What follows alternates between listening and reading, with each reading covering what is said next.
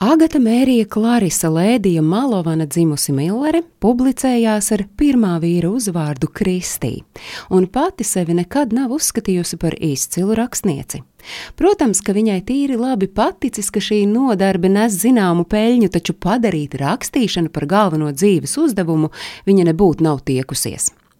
Rakstniece stāstījusi, ka romānu sižetus apdomājusi ar adīkli rokās, mājinieku vai draugu lokā.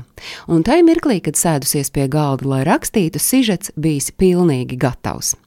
Savukārt idejas gan ienākušas prātā visdažādākajās vietās un apstākļos. Tik labi graužot ābolu, guļot vannā vai mazgājot traukus, kas esot tik glupa nodarbe, ka gribot negribot uzmācas domas par slepkavību.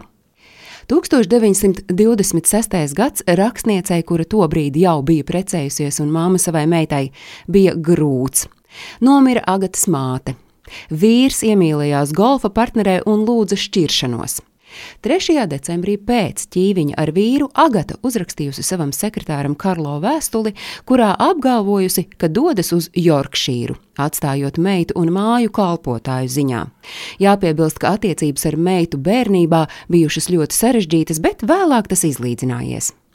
Nākamajā dienā pēc pazušanas Sarejas grāfistē atrada Kristīna automobīli, kura salonā bija viņas kažoks. 11 dienu nevienam nebija ne jausmas, kur palikusi rakstniece.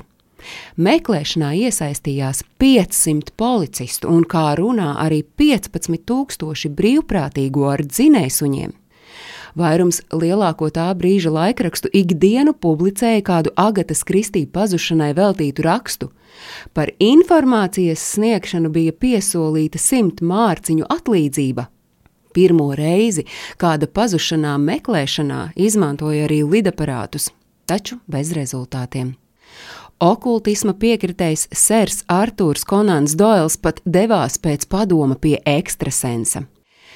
Kā izrādījās vēlāk, Agata Kristī ar vīra jaunās mīļākās vārdu apmetusies kādā viesnīcā Jorkšīras kūrorta pilsētā Herogeitā, kur nodevusies ūdens procedūrām, pastaigām un lasīšanai. Viņai paticis arī viesnīcas zālē klausīties orķestra priekšnesumus, un gadījies tā, ka bundzinieks un saksofonists rakstnieci atpazinuši un devušies uz policiju. Policija piezvanījusi rakstnieces vīram, un, kad Agata Kristī viesnīcā nākusi lejā pa kāpnēm, viņš sievu oficiāli identificējis. Pati Agata savas rīcības iemeslus nepaskaidroja, dodot iemeslu visdažādākajiem minējumiem, bet divi ārsti diagnosticēja viņai amnēziju.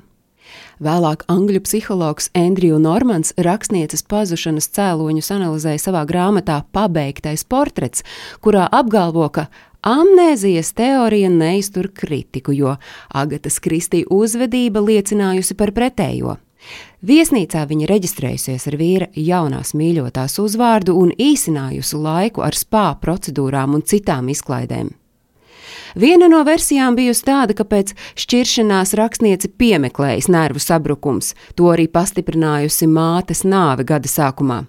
Bet citi uzskatīja, ka Agata vēlējusies, lai policija aizdomās par viņas slepkavību, apsūdzētu vīru, bet vēl citi to uztvēra vienkārši kā publicitātes triku.